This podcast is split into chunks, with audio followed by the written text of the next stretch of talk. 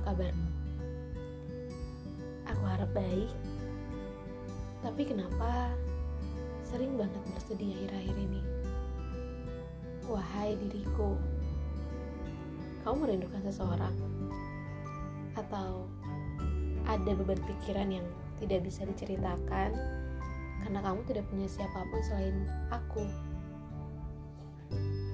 Tidak apa-apa, menangislah sesukamu. Maafkan aku ya telah membuatmu sesak bahkan sampai merobek sedikit hatimu.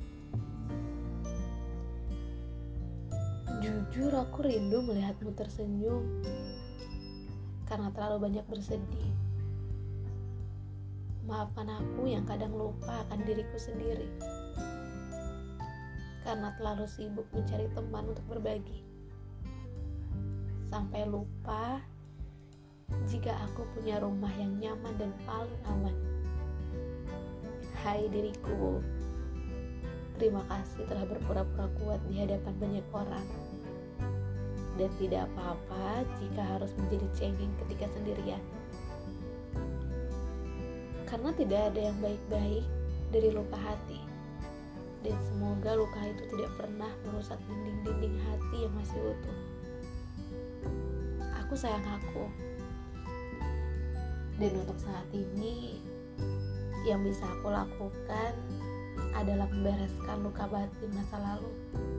Trauma, panic attack, trust issue, anxiety, inner child, dan lain-lain. Supaya nggak akan jadi toxic nantinya. Entah itu untuk diriku sendiri atau untuk orang lain. Dan aku mengerti sekarang aku tidak akan pernah memaksakan apa pun. Dan sebisa mungkin aku akan selalu merasa cukup.